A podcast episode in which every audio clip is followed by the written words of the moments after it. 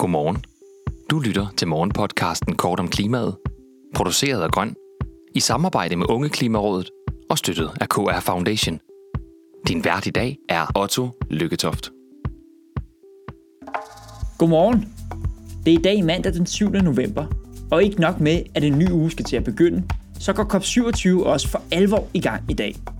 Og er der nogen bedre måde at starte ugen og et klimatopmøde ud med, at få dagens tre vigtigste klimanyheder. Vi skal forbi en ny rapport, der har udregnet skadesomkostningerne ved Danmarks udslip af drivhusgasser. Og så skal vi til USA, hvor Elon Musk opkøber Twitter for klimaorganisationer op i det røde felt. Og så skal vi til Norge, hvor man har opjusteret klimamålene frem mod 2030. Dagens første nyhed finder vi på forsiden af politikken.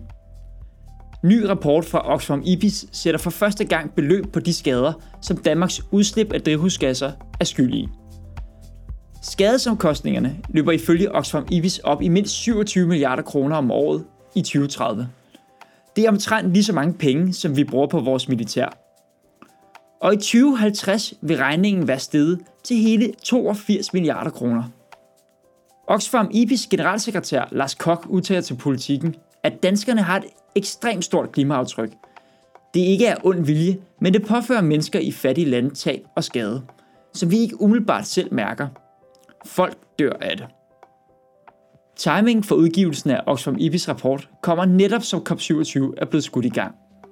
Og klimatopmødet, der i år afholdes i Ægypten, har klimaskader og ikke mindst klimaerstatning på dagsordenen.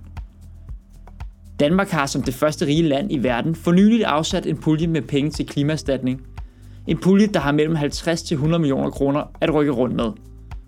Politikken skriver, at Oxfams opgørelse af skadesomkostningerne på de 27 milliarder kroner om året er behæftet med store usikkerheder. Men pointen er nok, at de konsekvenser, som mange fattige lande oplever ved klimaforandringerne, som blandt andet oversvømmelserne i Pakistan, løber op i helt uoverskuelige beløb for verdens fattigste lande. Så selvom beregningerne for Oxfam IBIS er behæftet med store usikkerheder, så har de nok ikke ramt forbi med 26,9 milliarder kroner.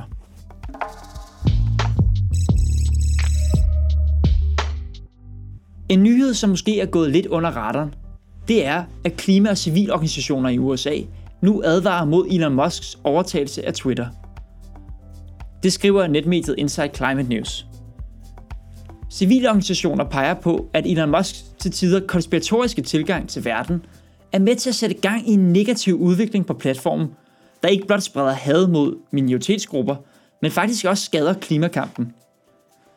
Ifølge en stor undersøgelse af klimaorganisationen Friends of the Earth, ser man ofte, at misinformation omkring klimaforandring bliver vævet ind i et spind af konspirationsteorier og hate speech mere generelt. Og frygten er altså, at den øgede hate speech også er med til at accelerere konspirationsteorier omkring klimaforandringernes eksistens. Derfor har det også været meget bekymrende udvikling, der har været i dagene efter Musks overtagelse af Twitter, hvor man har observeret over en firdobling af hate speech på det sociale medie. Klimaorganisationer advarer altså på den baggrund mod, at Elon Musks dogme om at være en ytringsfrihedsabsolutist, der ikke altid går lige meget op i, om det, der bliver sagt, er sandt, kan have en direkte negativ konsekvens for klimakampen.